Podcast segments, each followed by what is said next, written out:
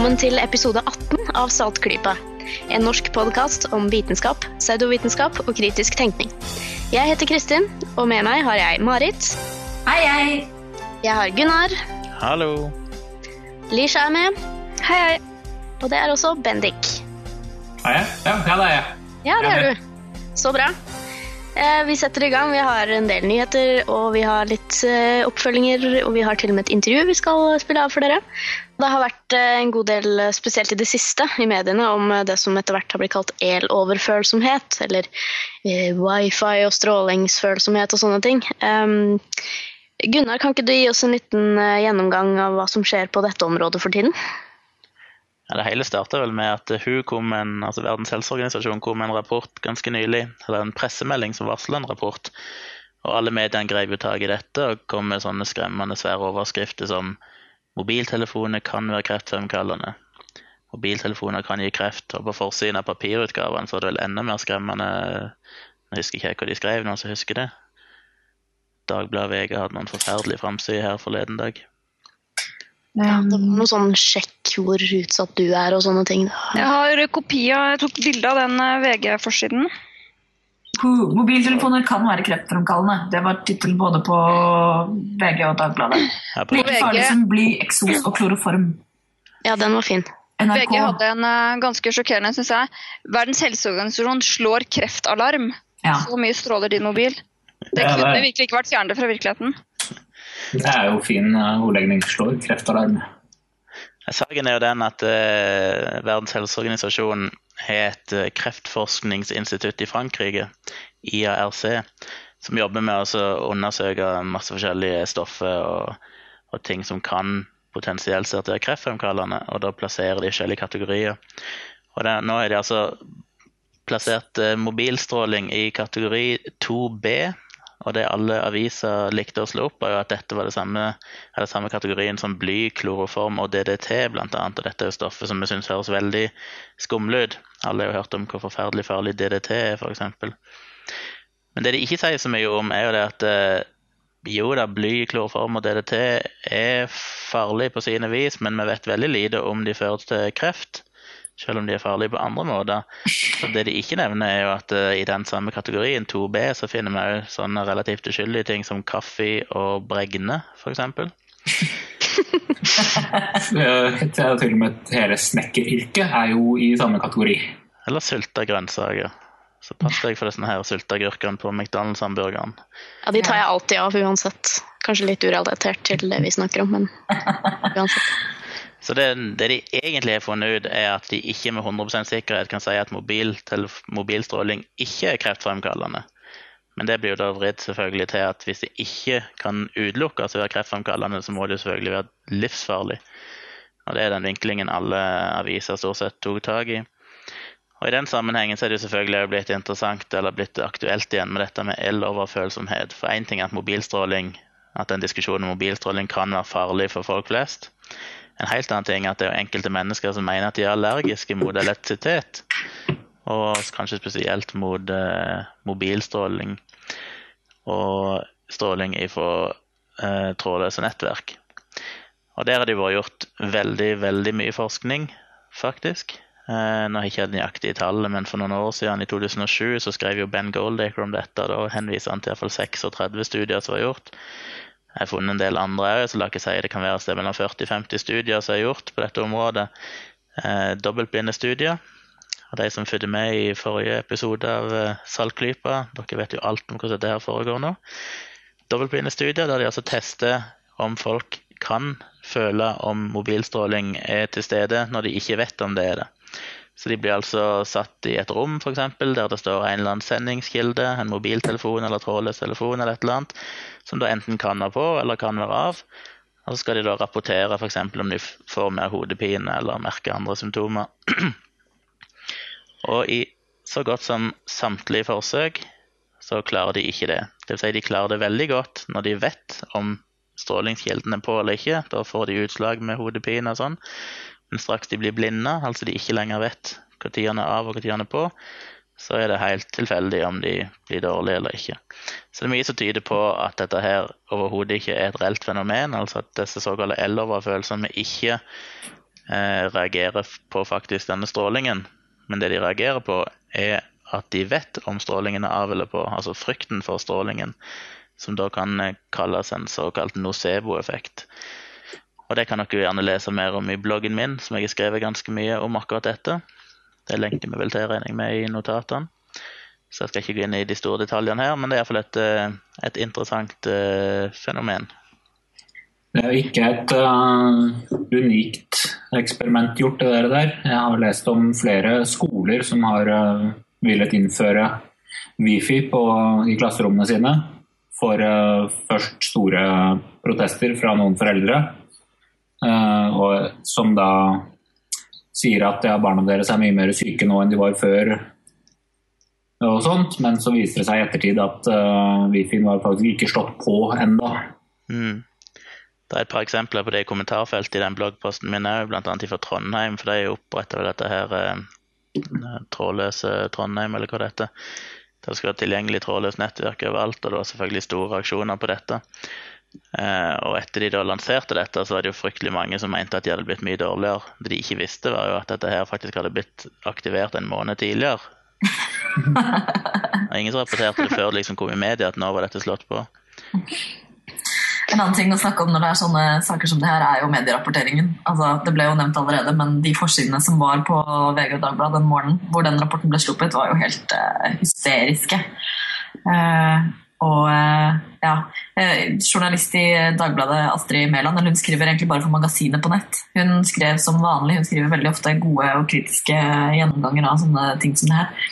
En eh, sak som heter 'Mobil like kreftfremkallende som bregner' hvor hun går gjennom en del av disse punktene som vi har snakket om allerede. Eh, og eh, ja, eh, les den artikkelen hvis dere trenger noe stoff. Eh, Den har også veldig fine bildetekster. Nei, en ting jeg høyt, lyst høyt anbefalt. Ja, er en ting jeg har lyst til å trekke fram, og det er jo at sånne ting som f.eks. røyking, det vet vi alle er kreftfremkallende, og folk flest er veldig bevisst på det. Men sånn som alkohol er jo så vidt jeg vet plassert i gruppe 1 fra IARC, altså den farligste kategorien, der, du, der det på en måte helt definitivt påvist en sammenheng med kreft. Og det overrasker meg at folk lager sånn hysteri omkring mobilstråling som foreløpig bare sier ikke kan utelukke om kan være kreftfremkallende, selv om alle egentlig er stort sett enige om at det neppe er det, for at det finnes verken noen, noen mekanisme for hvorfor det skulle være kreftfremkallende, i tillegg til at en store majoritet av gode studier viser at det ikke er det. Eh, bare for å nevne det, så er jo denne her Problemet er jo at folk leser den hysteriske overskriften i avisen, og ikke leser forskningen som ligger bak, og ser eh, nettopp det at uh, dette er i samme klasse som kaffe og bregner. Jeg tror det handler mye om ordbruk òg, for det, selv ordet stråling tror jeg folk assosierer veldig mye med kjernekraft. og altså Stråling er liksom et sånn negativt lada ord. Mm. Men det, det bare irriterer meg at folk kan bekymre seg så forferdelig over dette. Det gjør jo utrolig mye mennesker. De bekymrer seg over mobilbruk og er redde for hva barna bruker mobiltelefon og sånn. Men de har ingen problem med å drikke et glass vin hver eneste kveld eller gå på byen og drikke øl hver eneste helg. Og så glemmer man altså helt at. Ja, og så glemmer man jo at uh, stråling uh, har jo mange mye mer velkjente former også, f.eks. lys og varme. Det er også former for stråling. Så. Det er også veldig viktig å påpeke at uh, selvfølgelig er jo ikke hvis, folk melder at de får eh, hodepine og kvalme, så er jo ikke dette noe som er innbilt. Det er jo ikke det forskningen sier, eller det kritikerne sier. Men eh, det er jo veldig viktig å kunne definere disse symptomene da, hvis de er ute etter å ha en klassifisering av sykdom, en sykdom de mener å, å ha. Uh, og, så, altså på samme måte som andre sykdommer som før har vært uspesifiserte. Da, da har man først klart kunnet definere symptomene som folk har, og så har det da kunnet fastsettes at det er et mønster her, og at det faktisk er et, eh, et syndrom eller en sykdom det er snakk om. Og ikke minst hva som forårsaker det. Hva, Ja. hva er det som forårsaker det? Det er jo kjempeviktig. Vi må, Det må finne ut da- det, sånn at vi ja. kan hindre det, og ikke bare Det må da være i de rammedes største interesse at eh, den virkelige årsaken bak plagene deres eh, identifiseres. For det er jo utvilsomt virkelige plager det er snakk om i de fleste tilfeller. Jeg synes Det er interessant, det var en fyr, jeg tror han jobba i Statens strålevern. Jeg fant en artikkel eh, på nett her i går eh, fra en, en eller annen rapport eller et eller annet møte som ble gjort om dette her med eloverfølsomhet. Og han hadde forska på dette i 18 år. Og i over ti år så hadde han sjøl vært overbevist om at han faktisk var eloverfølsom, for han ble veldig mye dårlig når han drev på med dette her. helt til han sjøl lot seg undergå en dobbeltblind test og oppdaga at han hadde ikke noe sjanse til å avgjøre om altså Han ble ikke noe dårligere når han var blinda for det, så han bestemte seg for, det, for at nei, det kan ikke være dette likevel. Det er ganske imponerende, syns jeg. Jeg faktisk tror du er følsom, men aksepterer de faktiske forhold når du blir utsatt for en test og ser at du feiler. Det tror jeg, tror ikke det er så mange som ville gjort. Nei, men dessverre. det er det ikke. Nei, eh, det var jo Det var i hvert fall noe, noen kommentarer der om det. Og det, vi skal selvfølgelig linke til de eh, mange interessante artiklene som er å lese mer om eh, eloverfølsomhet og forskningen som har blitt gjort på det. Ja. Og så er det viktig, Ja. si det er viktig å huske på når man leser sånne ting i media, at det de tjener på, det er at de gjør oss redde. Hvis de beroliger befolkningen og sier at alt er fint og bare slapp av, så selger de ikke noe på det. Så når du ser en nyhet som virker skremmende, så tenk litt på hvordan eh, tjener mediene på å vinkle dette for å øke sitt salg. Og så kan man eh, ta det litt derifra, for som regel så er det ikke realitetene og eh, det som selger nødvendigvis sammenfallende. Nei, det er der det dessverre kolliderer, de følsomme områdene helse og folkeopplysning. Eh, fra en, noen uspesifiserte lidelser til eh, noen andre. Lisha, du har det geniale og konsise svaret på hva som forårsaker eh, ryggsmertene til folk flest. Ja da. Eh, Det skyldes dine fæle opplevelser i ditt tidligere liv. Det trenger ikke være ryggsmerter, Ja. det kan være hva som helst. Smerter i armen, hvilke smerter som helst. Du har opplevd noe fælt et av dine tidligere liv, men hvis du bare hypnotiseres tilbake og så husker det, så blir du kurert. Eh, Det mener i hvert fall en lege i Hemne kommune i Sør-Trøndelag.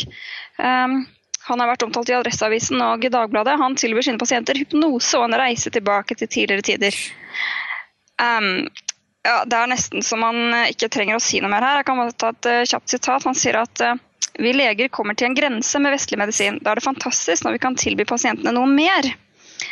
Og det han mener er noe mer, da, det er at han hypnotiserer dem, og så opplever de å finne seg igjen i det gamle Egypt eller i steinalderen eller kanskje i et annet land. Um, Ja. jeg vet jo nesten ikke hva jeg skal si om dette her. Altså, det er for, meg, Altså- for meg er det så fjernt. For det eh, ja, det er jo det som er poenget her, da, at det faktisk var en, en lege som folk, som folk stoler på, eh, som har kommet med dette her. Nå er det Ja, heldigvis tenk- åpna en, en tilsynssak mot han. Du om dere fikk med Ja, heldigvis. Ja da. For her er han, eh, Et annet eksempel som gis i artikkelen her er at hvis har, man har angst, så mener han at når pasienter da kommer til ham med angst, så kan det skyldes at de ble voldtatt f.eks. i middelalderen. Eh, og jeg, for min del, jeg må spørre hvordan mener han at man Han mener vel at man bare hypnotiserer seg tilbake og gjengjelder på nytt, så blir det bra. Men jeg lurer virkelig på hvordan mener man at det kan være en løsningsmulighet da, for den personen som sliter med f.eks. sosial angst. Nei, du ble voldtatt for 600 år siden. Å ja. Eh, hvordan Ja, er- Hvordan kan man bruke det for å hjelpe den situasjonen man er i? Det er noe man syns er morsomt når man leser den første gang, og så innser man at uh, hvis dette her blir praktisert som en slags kur, så gjør jo selvfølgelig dette her vondt verre, hvis det, hvis det er sånn. Ja, men Det det er jo det at det, Når du snakker om placeboeffekt, det verste av alt at en sånn, det, det er jo en del forskning som viser at det å bare gi en diagnose har en enorm placeboeffekt i seg sjøl. Så det å faktisk gi noen som sliter med et Ja da. uspesifikke plager, en forklaring, uansett hvor absurd den forklaringen er, vil jo kanskje hjelpe dem. Det er egentlig det kjedelige med dette her, men ja, det gjelder jo all Ja. type behandling. Han sier jo det selv at det høres så dramatisk ut med forklaringer fra tidligere liv, men hovedpoenget er at det virker. Eh, og det kan man jo, som du sier, det kan man jo for så vidt mene, men jeg som sagt er litt skeptisk delvis fordi jeg skjønner ikke helt hvordan det kan være en mulig løsning. Og også hvis det, disse, du blir hypnotisert da, og gjenopplever denne voldtekten, og så blir du fri for angsten din. Hvis angsten da kommer tilbake, og du la oss si, ikke finner noen som vil hypnotisere deg igjen, hva gjør du da? Da må man jo bli ganske fortvilet. Mens hvis man hadde en mer rasjonell løsningsforklaring og en mer rasjonell eh, mulighet for å bli bedre, så vil det jo det i det lange løp, tror jeg, um, ja, være positivt for pasienten. Selv om man kanskje der og da uh, kan bli hjulpet av at man får en eller annen slags forklaring. Uh, men jeg, det som jeg må si ble mest provosert over denne historien her, det er det samme som provoserer meg med alt som har med sånn reinkarnasjon og tullball å gjøre. Og det er det at alle som har levd tidligere, de har hatt det så kult. Han for eksempel, han hadde mageproblemer, og da, det ble løst ved at han under hypnose eh, ble tatt tilbake til sitt liv i middelalderen, og der var han en ridder. Og ble reddet av en kvinne eh, fra en brennende bru. Altså, Det var ikke så mange riddere i middelalderen som det man skulle tro. Nei, vi hadde definitivt mye mer spennende liv eh, da vi levde før, altså. Tydeligvis. Ja, alle har det. sammen. Hvis man leser litt om sånne reinkarnasjon, så blir det påfallende at f.eks. Kleopatra må ha vært fullstendig schizofren, for alle som har levd før i det gamle Egypt, var jo Kleopatra. Det er jo ingen som bare var en eller annen bonde som surra rundt eh, og venta på at Nils skulle flomme over så han kunne plante papyrusen sin. Altså, Og ikke minst, og ikke minst alle de trellene som bygde pyramidene. Bare sånn før vi får masse sinte brev, eh, så, så bare legg merke til at schizofren kan selvfølgelig brukes litt sånn populært til å omtale eh, multiple personlighetssyndrom osv. Men ja, vi, vi Ja. vet egentlig vi vet det. Det er, det er sånn jeg mener det her, at eh, alle som mener de har vært Kleopatra, virkelig var Kleopatra, så må hun ha hatt noen veldig store problemer med multiple personlighetssyndrom. eh, hvis noe slikt skulle eksistere. Så eh, Folk som mener at de har vært riddere i sin tidligere de bør lese litt om middelalderen. eh, og oppdage at 99% av alle som levde i middelalderen, de var bønder som aldri opplevde noe som helst. Så hvis du levde tidligere i middelalderen, så er grunnen til at du ikke husker det, det var at det var så utrolig kjedelig at det ikke er verdt å huske. Sannsynligvis. Og før vi tar sinte brev fra bøndene, så har dere jo et veldig rikt og, og fint liv. altså det er ikke det vi prøver å si. I våre dager er selvfølgelig alt helt annerledes. Jeg kjenner eh, flere bønder. De er Jeg er bonde. mennesker. Ja. Jeg var fra bondefamilie, iallfall. Ja, ja. Nei, vi får, eh, vi får la den ligge. Eh, så kanskje det kommer noen oppfølging der om hva som skjer med, med denne legen etter hvert. Om han får lov til å fortsette med dette. Eh, vi, skal, ja, vi skal over til en annen interessant case fra mediene i serien Slapp formidling av vitenskapsnyheter. Litt mindre seriøs kanskje, men desto større skala. Eh, Denne gangen skal vi jo ikke gå lenger enn til pressemeldingen som ble sendt ut av universitetet hvor forskningen er basert, for å finne den ja, nesten litt sånn smakløse overdrivelsen. Allerede i tittelen, faktisk. Eh, tittelen er altså da eh, på engelsk Monash student finds universe missing mass. Dette, jo, dette høres helt fantastisk ut. Eh, Monash er et universitet i Melbourne i Australia. Og studenten det er snakk om, er faktisk en lavere gradsstudent på 22 år. Eh, Hun heter Amelia Fraser McKelvey. I pressemeldingen da, så står det at eh, inntil nå så har universet hatt såkalt manglende materie, og at det teamet som McKelvey foretok røntgenobservasjoner sammen med, og de fant altså den manglende materien etter bare tre måneder. I hvert fall litt av den. Og dette er jo Altså, er det noe som er store, store mysterier i dag, så er jo dette her å finne de manglende komponenten til universet. ikke sant? Og det er kanskje det man tenker på. Man tenker kanskje mørk materie og slike ting. Og det er jo egentlig ganske sensasjonelt at en liten student som ennå ikke har kommet opp på masternivå, har klart å finne noe av dette her. Eh, men la oss først ta et skritt tilbake, da. Eh, kort fortelle om hva det faktisk dreier seg om her når vi sier universets manglende materie. Så altså, eh, universet det består stort sett av ting vi ikke har den fjerneste anelse om hva er. Det er greit. Eh, hvis man er optimist, så legger man til et enda på slutten av setningen. Eh, 70% av all energien som finnes i universet, så har vi, det har vi gitt den foreløpige tittelen mørk energi. Ja, det er et eller annet som virker som en form som frastøtende gravitasjon. Og eh, mørk energi gjør at universets utvidelse går stadig raskere. Altså det akselererer. Eh, det er noe som først ble observert og kom på banen eh, i forskningen på slutten av 90-tallet, så det er en relativt nytt mysterium. Eh, videre så er ca. en fjerdedel av energien i universet så kaller vi for eh, mørk materie. Denne materien eh, vet vi er der, for den dytter på galakser og galaksehoper eh, på en måte som gjør at du sier aha, det må være mer enn bare den vanlige synlige materien. Eh, og mørk materie heter mørk materie fordi den ikke vekselvirker gjennom noe annet enn gravitasjonskraften. Vil si altså, den sender ikke ut lys på noen bølgelengder slik vanlig materie gjør. Så vi kan ikke direkte se på den med vanlige teleskoper av noe slag. Eh, bare altså indirekte gjennom å se på hvordan den synlige materien oppfører seg. da. Så det som står igjen da når vi tar bort eh, mørk energi og mørk materie, det er ca. 5% og det er den vanlige materien. Det er den som du og jeg og stjerner og planeter består av. Så det er det vi foreløpig vet hva er og har kartlagt relativt bra, men eh, inntil relativt nylig også, så har man bare kunnet påvise halvparten av disse 5% gjennom direkte observasjon. Og det er altså denne halvparten av 5% av all energien i hele universet. Det er det de kaller altså den missing mass. da. Så da har vi i hvert fall skalert problemet ned lite grann.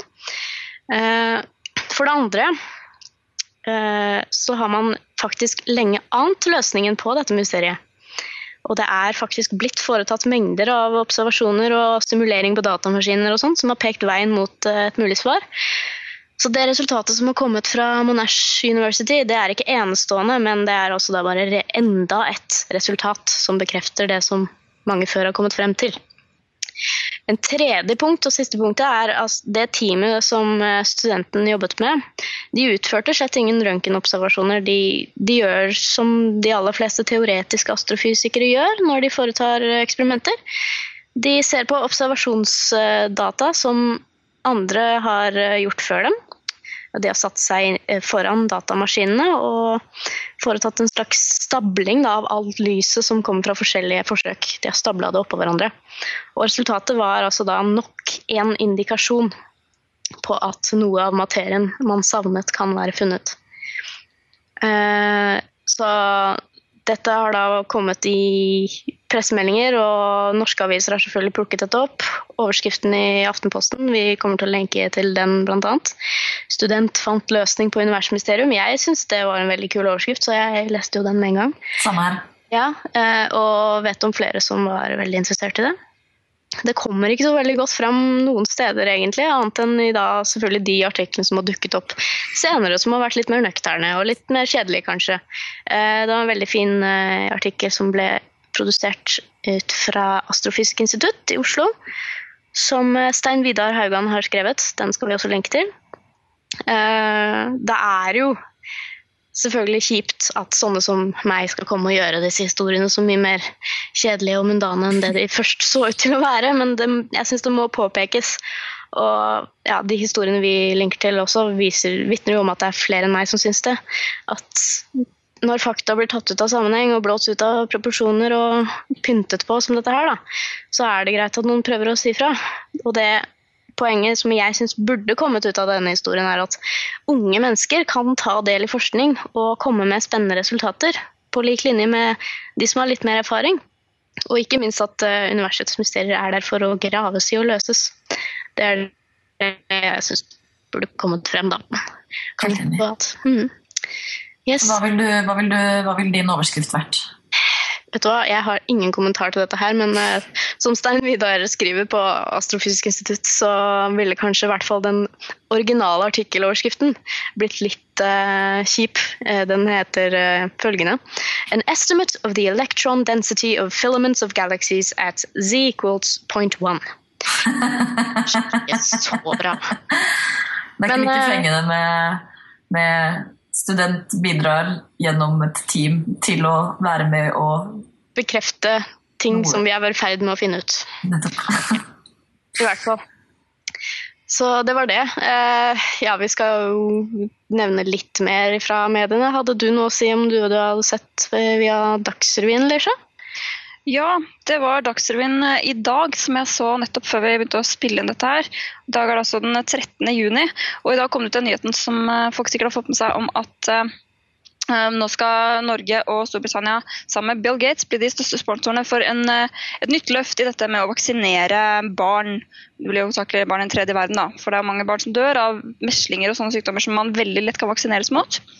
Eh, og nå satser det mm, ganske mye mer penger, sånn at nå skal den eh, få et skikkelig push. Og jeg må bare si at jeg syns det var så utrolig trist å si at utenfor der hvor eh, Jens Stoltenberg da hadde møtt eh, britenes statsminister Cameron, eh, i forbindelse med dette her, så sto det faktisk en hel gjeng og demonstrerte mot at dette skulle gjennomføres. Å, Fordi vaksiner dreper barn osv. Altså, der står de i London, da, i eh, relativt rike Storbritannia med et av verdens beste helsevesen, og trenger ikke bekymre seg for at deres barn skal bli sugd med en kjempeepidemi av meslinger eller gud vet hva. Og så vil de nekte at barn i f.eks. Afrika, hvor foreldrene er desperate etter å holde dem i live, de skal ikke få hjelp. Det skal sies at de risikerer kanskje ikke en kjempeepidemi, men det har vært en absolutt økning i mengden med meslinger, rapportert i hvert fall i eh, Storbritannia. Nettopp Hvor en- pga. disse tullingene her, så har det det. Fordi Ja, det var faktisk relativt eh, lett å se den eh, korrelasjonen.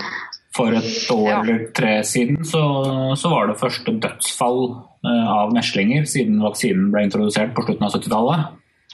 Som, eh, som nå har begynt å komme tilbake. Nå rapporteres det en statistikk på hvor mange døde det er av meslinger hvert år. Og den statistikken har ikke vært nødvendig å føre de siste 30 årene før nå. Nei, det er nettopp pga. disse folka her. Men tross alt så lever de i et land hvor helsevesenet står klart til å hjelpe, mens f.eks. folk i de fattigste landene i Afrika de har overhodet ikke den muligheten. Og her er det faktisk noen som vil hjelpe dem og gi i hvert fall barna en firing chance. Og så har folk faktisk mage til å stå utenfor der og liksom rope ned med Cameron og fy, han vil drepe barn i Afrika. Altså, Det er så smakløst. Det blir helt kvalm. Ja, jeg må si at jeg har veldig vanskeligheter for å diskutere sånn vaksinenekt og sånn. Jeg- jeg- Det blir bare for uvirkelig for meg, egentlig. Yes. Nei, det var trist. Jeg, jeg tror vi skal gå over til noen eh, små oppfølginger i stedet. Eh, Hadde Gunnar noe å si der? Ja, vi har jo denne nettsida eller bloggen som heter saltklypa.no, og der får vi jo litt tilbakemeldinger ja. på disse eh, podkastene og innleggene vi legger ut. Tenkte jeg skulle bare nevne dem, for de er litt framme i lyset. For vi setter jo veldig pris på at folk tar seg tid til å skrive og gi litt feedback. Det trenger vi så absolutt. Eh, en ting som jeg har glemt litt å nevne, så tenkte vi endelig må få sagt, det var et, eh, en kommentar fra Karsten Eig som korrigerte min lille rant om eh, ønskekvister og dette med underjordiske vannårer. Og jeg tror jeg bare leser opp det han skriver, for å ikke si noe feil enda en gang. Han skriver bør bare påpeke at vann faktisk renner i elver under jorden mange steder, der grunnen består av kalkstein. CO2 i vannet løser opp kalken og danner huler, og disse kan ha underjordiske elver og sjøer. I Norge forekommer dette i hovedsak i området fra Ofoten sørover til Mo i Rana. Det betyr selvsagt ikke at ønskekvist blir noe mer reelt, siden den jo finner vannårer overalt. Ja, så det var en liten korreksjon. Jeg sa vel at eh, underjordiske vannårer ikke eksisterte annet noen helt spesielle plasser på jorda. Og Det er vel for så vidt sant, men det finnes altså òg i Norge eh, enkelte steder. Men de aller fleste stedene så renner det ikke vannårer eller vann i underjordiske elver. Det siver gjennom grunnmassen. Så det var en viktig korreksjon, og takk for det. Og så har vi en eh, lytter som heter Rune, som har lagt inn to litt morsomme kommentarer. Den ene synes jeg var veldig veldig fin. Vi nevnte i en tidligere sending om cold reading. Eller vi stilte spørsmålet finnes det noe godt ord for cold reading. Og han foreslo det fantastiske ordet tankefisking. Ja, det er flott. Flott, flott ord. Herlig ord. Helt fantastisk ord. Ja. Eh, Han kommenterer det antyder at man forsøker å lure tanken fram i overflaten uten at man magisk leser den. Mm. Så tankefisking er et ord vi absolutt må prøve å få brukt og fletta inn i det norske språk. Eh, han hadde òg et annet forslag i forrige episode, vel, så nevnte vi dette med bias. Som jeg mangler. Det er alltid et dilemma når jeg skriver om forskning og sånn, så har jeg alltid problemer med å finne et norsk ord for bias. Det nærmeste vi kommer, er vel en sånn forutinntatthet. Men han sier at vi kan jo i en del sammenhenger bruke ordet partisk, som eh, kan være en grei påminnelse. Som kan Mm. funke. Så takk for det. Så vi håper at flere eh, vil gi oss litt tilbakemeldinger. Supert. Ris og ros, det trenger vi. Absolutt. I tillegg vil jeg bare ha en sånn eh, kjapp liten oppfølging til forrige ukes episode, der vi, vi hadde en del spørsmål om forskning. Det var en ting jeg ikke fikk eh, svart på, det var hvor mye forskes det, stilte hun et spørsmål om. Og da har jeg funnet noen tall eh, som jeg har funnet bekrefta en del forskjellige steder, så jeg håper de er sånn noenlunde korrekte.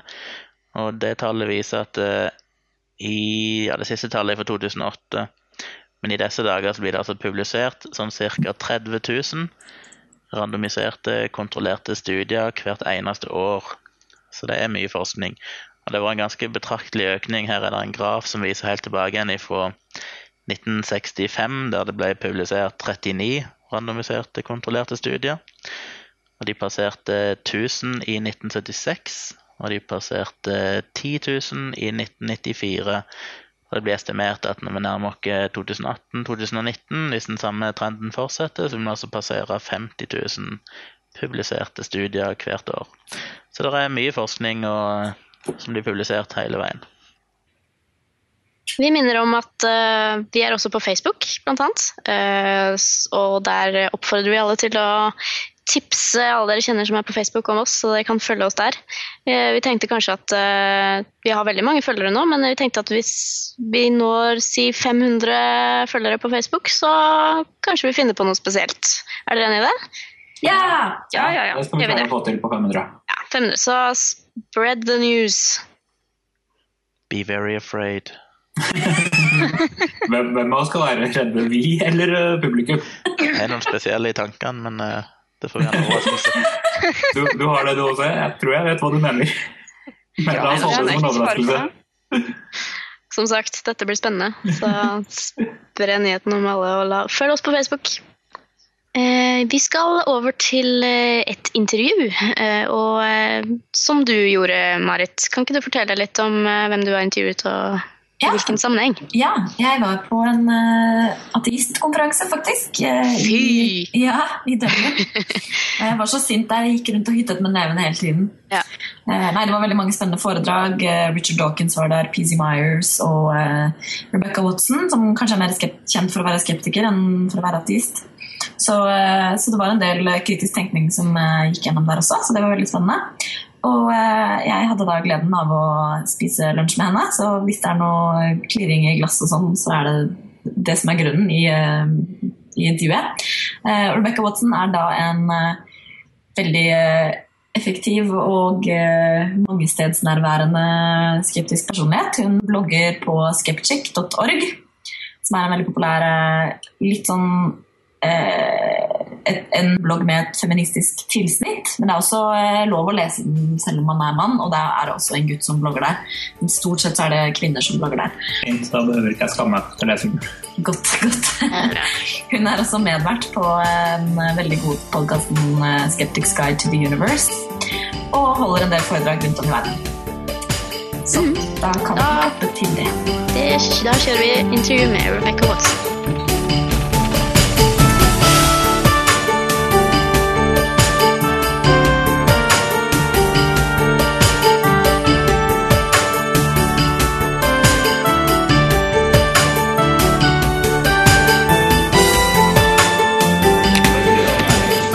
With Rebecca Watson, who's a blogger and podcaster. Hello. she's famous as the Skeptic, the creator of Skeptic.org, which is now an international venture. And uh, she's also famous as being a co-host on Skeptic's Guide. Yep. Let's start at the beginning. Why are you a skeptic? I'm a skeptic because I was a magician. I worked my way through college as a magician, and I got really interested in how people are fooled in scams and hoax, hoaxes, things like that. And I started reading books by, say, Penn and Teller, Ricky Jay, uh, James Randi. Through that, I learned about James Randi's Million Dollar Challenge, which he offers to anyone who can prove they have paranormal abilities. And from there, I got involved in Randy's online forum, on the JREF forum. And from there, I started Skeptic as a sort of outlet for, um, for skeptical things focused on women, because there weren't really any female voices out there. Yeah, that was my next uh, question actually. Why skeptic? Why why the focus on women? Well, it, it, Skeptic in and of itself started when a few of the women from that forum got together and were talking about how we needed more women to come out to the amazing meeting, the annual uh, JREF uh, meeting. And we decided that we would raise money to buy scholarships for women. And we decided to do it by making a cheeky sort of pinup calendar.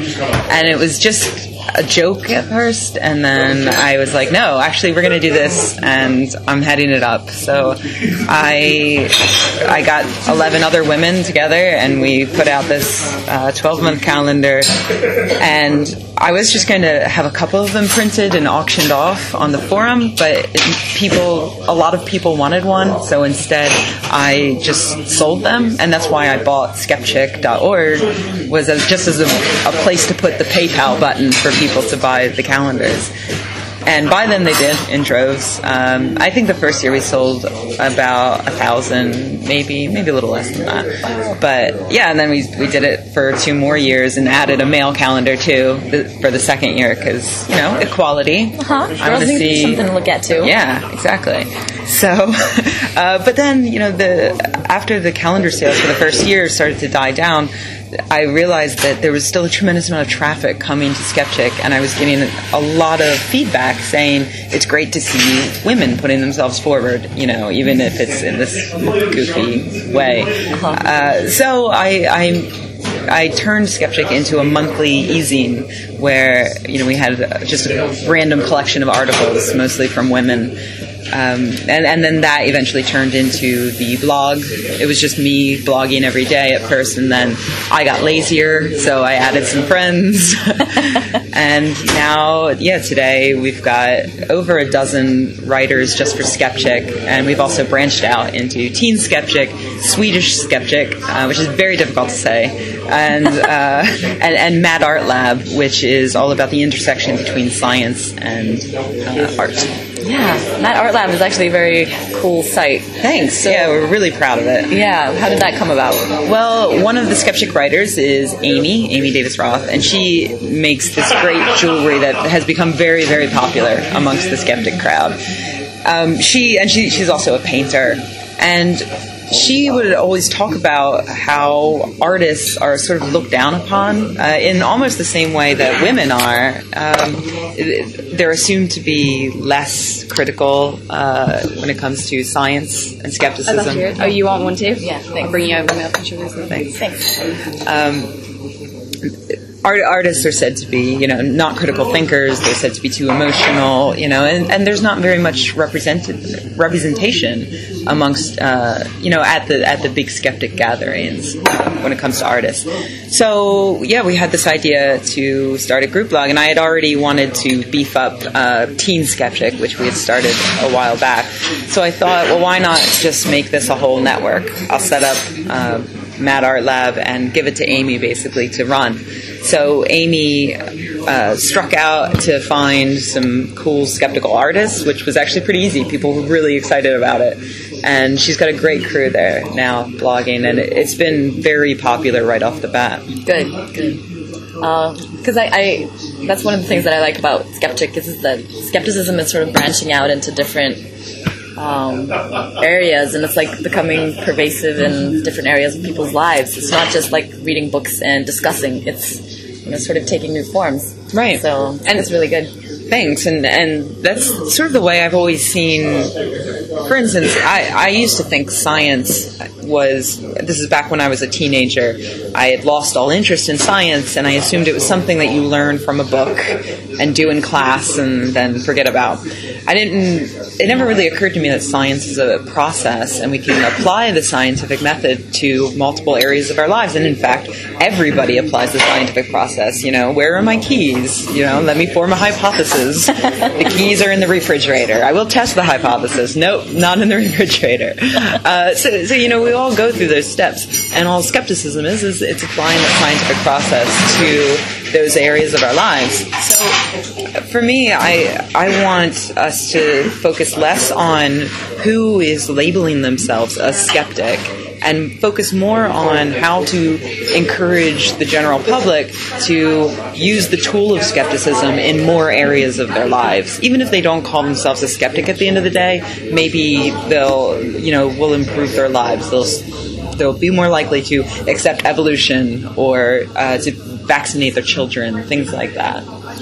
I completely agree. It's like one of my main focuses is for people to understand that science is, is a part of their life, even though you know it seems very removed from us, and uh, uh, that it's like only takes place in a lab and everything. But but really, it does. Like if you're making a soup and you're trying to figure out what made the soup so good yesterday, it's like you isolate. Oh, I, I didn't put salt in it yesterday, and it was really good. So maybe that was it. You know, Right. um, but you also mentioned magic and your link to magic. And I seem to notice that there are a lot of skeptics who are magicians. Uh, do you think that there's a link there? There definitely is, yeah. I think it's because as a magician, you get really obsessive about psychology and about learning how people get fooled so that you can fool them better.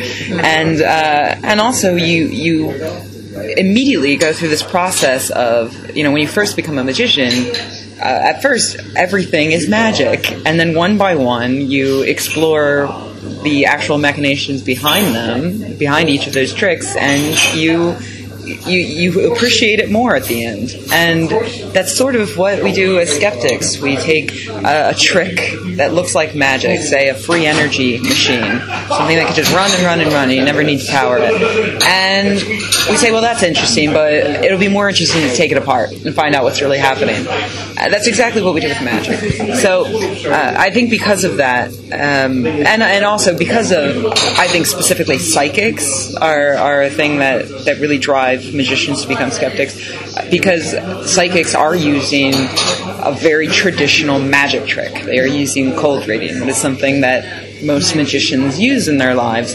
And it's very odd to learn how to do this thing and then turn on your TV and see someone doing it but not telling the truth about who they are. You know, uh, magicians are honest liars, and psychics are just liars. so, you know, I, I, think a lot of magicians are uh, they get upset about this. They they see psychics just using magic tricks to make lives worse in some cases. You know, to play with people's emotions, to uh, distort their memories. You know, their last memories of their loved ones. Um, Penn has written, Penn Jillette has written very eloquently on that point. Um, about how his last memory of his, um, I believe it was his mother, is so precious to him that if someone were to say that they had made contact with her and to say that oh and she she sees you know an M and she sees a ring and she's showing me this um, would would would lessen the value of those last memories he had and replace them with something generic and cheap. And so I think magicians see that happening and, and feel this urge to, to help because we're in a unique position to help. We can explain the trick. So we do. Yeah, exactly. Um, I was talking to James Randi a while ago and he said that. Thank you. He said that that looks really good. Yeah, you can have a bite if you want. No, good, but yeah, it looks good. Um, well, I was talking to James Randi a while ago, and he said that uh, he sometimes he might like if you know if he's watching a magic show and he finds it fascinating and he's, he's very impressed with the skill and he kind of kind of knows when the, the moment of truth is going to come mm. he might just close his eyes for that mm. moment sort of just look look away just for that second to yeah. not see the uh, the you know the swap or whatever yes do you do that um, or you just like to? Yeah, I mean, I don't, I don't really mind not knowing the secret, which I know it might seem weird coming from someone who's a magician, but I really like this sort of sense of wonder, and I'm fairly good at turning off the analytical machine, you know, yeah. um, for for a good magician. You know, so I really like seeing a good magician.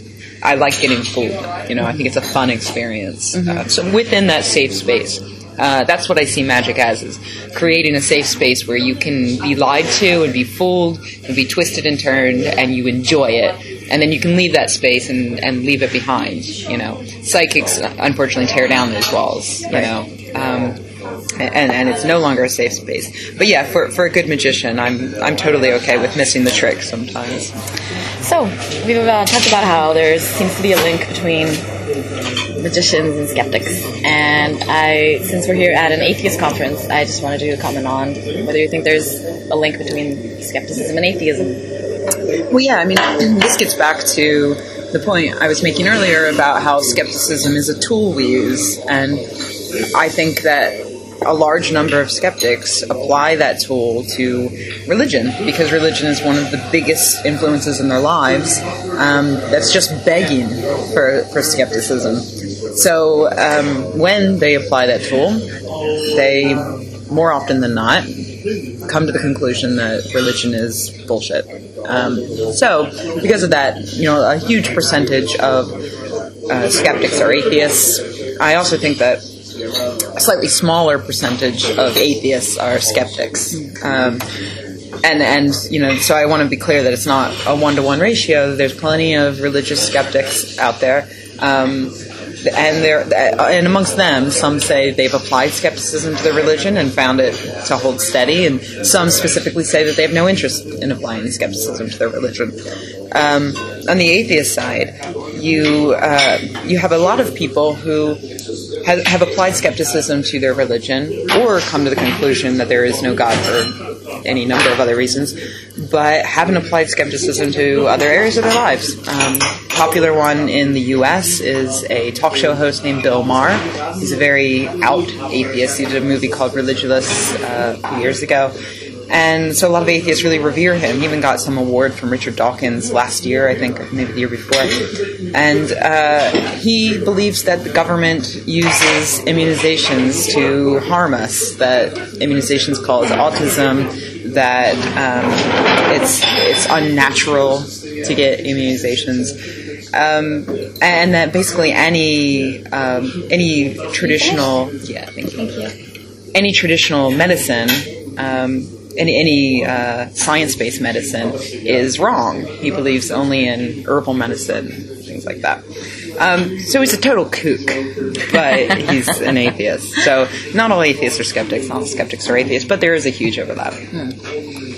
Um, we were also talking naturally about being a woman and being a skeptic because of your site.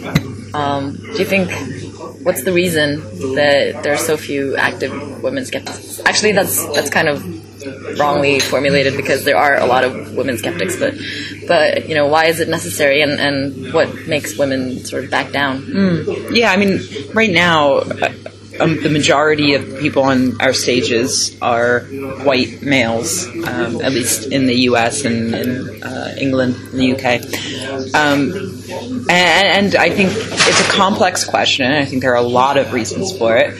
The biggest ones, uh, and I'll, I'll, actually I'll start by saying what I don't think the reason is, which is this idea that women don't have the ability to think critically, that women are emotional while men are logical. I think that's all bullshit that has just been taught to us from an early age as a way to empower men and a way to keep women having babies. Um, and, and unfortunately, I think that getting rid of that sort of idea is extraordinarily difficult.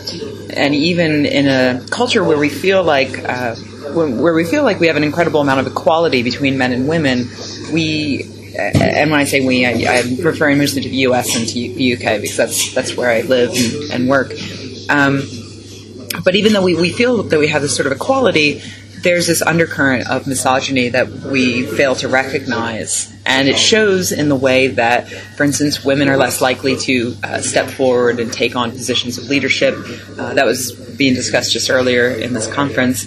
Uh, women um, do don't do as well um, at some, uh, for instance, at math. Um, sometimes women uh, uh, let, let, me- tell you about a specific study that, that looked at um, women taking math tests. They they primed one group of women uh, to uh, they, they told them that the, the reason for the study they were about to take a math test, and the reason for the study was to figure out why men are better at math. The other group they didn't mention that. They just said we're just doing a you know a study on math. And in the group of women who were told that the purpose of the study was to see why men are better, they did worse, substantially worse. So when you just reminded them of the stereotypes against them, they were damaged. And I think that that's what we see happening again and again and again in our society. Women are constantly reminded that, you know, logic, reason, these are man things. Um, and, and I think we're getting rid of it slowly but surely, but it's still there. And I think it's one of the biggest reasons why women don't speak out, why women aren't taking positions of leadership in the skeptical community. Excuse me. Um, and why women might be less likely to declare themselves skeptics. Skept- a skeptic is someone who we see as a confrontational person. Women are constantly told that they're not to be confrontational, that they're to be passive and caring and loving. Um, which is why one of the things that I like seeing skeptics do is to focus on the compassionate nature of skepticism. the way that we want to save people from getting fooled. You know, from uh, we want to save babies from dying from preventable diseases like like measles. Um, I, I, think the more we do that, the better chance we have of reaching out to women who otherwise wouldn't consider themselves skeptics. So I think it's getting better. Uh, I think we're getting more women on stage. You look at the amazing meeting this year in Vegas; it's almost a 50-50 split, men and women, which is unprecedented uh, on the stage. I mean, and as we've gotten more women on the stage, we've seen the same thing happen in the audience. Uh, I think last year we were probably close to about 40% women uh, in the audience at TAM, which again is unprecedented. Um, and and I've I've found that when I do talks for local groups, they consistently tell me that they get more women coming out to see me speak than coming out to other meetings. So I, I, I, I genuinely think that having good role models on stage helps. And you know, I think we're slowly but surely getting to a point where we'll have uh, something approaching equality in, in skepticism and in atheism. Sounds like a plan. I've got it all figured out. what you said about uh, how we're being told what women are like really just reminds me of uh, how women are portrayed in the media, like Oprah and, and you know the way women always seem to be talking about the secret and uh, makeup and you know insubstantial things. And in Norway, we just have the, these two channels. It's like the girly channel and the boy channel. And the girly channel is full of crappy shows about psychics and like even the drama shows, even the fictional shows are like supernatural. Um, Witches of Waverly Place, uh, psych, what's that, Medium. Uh, it's like all supernatural stuff, and they have talk shows called like The Other Side and and that kind of thing. While the the male shows are like Mad Men, Big Bang Theory, um, you know, like at least reality based shows. Yeah. Even if there is some stereotyping of men and their interest in like cars and sports, it's still, you know, there's no irrationality there. Right. The same way. Um, yeah, and and you know it, it happens everywhere, and it's so it's so it can be so subtle. I, I was I was speaking to a radio host in Australia um, about this a few months ago. He he said um, he was asking if, if it's possible. Um, oh, I, I know what it was. He was giving me an example of friends of his who raised their daughter to be really uh, equal, you know, to be gender equal, and yet she chose to have pink things, Barbie dolls, um, girly things. And how do I explain that? Surely that means that there's something inherently inside girls that makes them prefer pink princess stuff.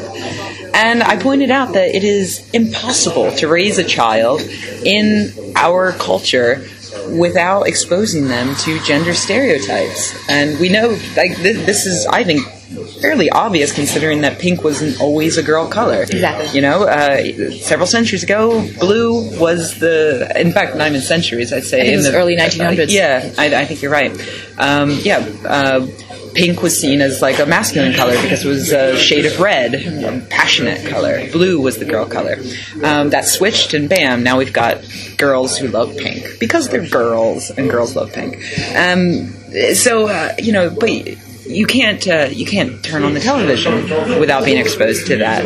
Uh, on Skeptic, uh, a while back, we looked at ads, Lego ads that were aimed at boys and aimed at girls, and the girl ad was just entirely pink and all about um, princess play, basically. The boy ad was all blue and aimed at like construction and actual creativity. Uh, and it was really awful to see, especially as someone who always felt that Lego was one of the best gender neutral, awesome toys out there. Even they got sucked in, you know. And then you've got pink Ouija boards, and uh, that exists. um, pink laptops, that's for girls because it's pink. Um, and this is coming from someone who loves the color pink, by the way. Um, but I, I, I acknowledge that you know marketers are uh, necessary to pump out these gender stereotypes, and we un- unconsciously submit to them. So, uh, just sort of as uh, a note to end on, what is the future of Skeptic? Well, um, we are continuing to expand. Right now, you know, we've got several uh, sites in our network. We're about to add Spanish Skeptic.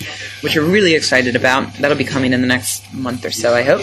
And then maybe maybe some other countries. You know, I've been meeting a lot of really cool, strong women from you know various countries. Like I don't know, what are some of those northern ones where it's cold? Let's see, we've already got Swedish Iceland? skeptic, but maybe Iceland. Yeah, yeah, the, the Netherlands, maybe. Yeah. yeah. Russia? So, yeah, yeah, maybe Russia skeptic. Uh-huh. You know, so I don't know if you hear of anybody, Okay. we can we can maybe talk about adding another site. But yeah, we're gonna we're gonna continue to grow and continue to. Uh, oh, our, our our sites are always set on what can we do that will make a substantial impact. You know, how can we make the world a better place? So we're gonna continue to use that as our our guiding light, I suppose, and hopefully just continue to kick ass. Perfect. Thank you so much for your time. Thank you.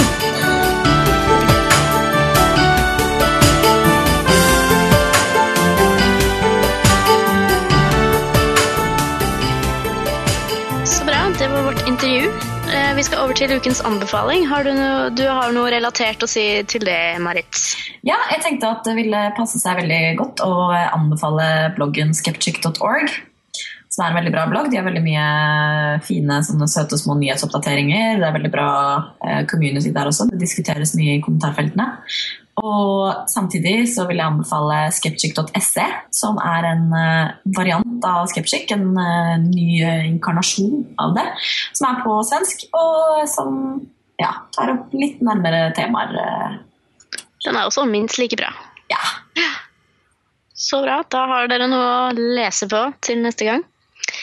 Det var vel stort sett det vi hadde i denne episoden av Saltklypa. Så da gjenstår det egentlig å si ha det bra. Ha det. Ha det bra!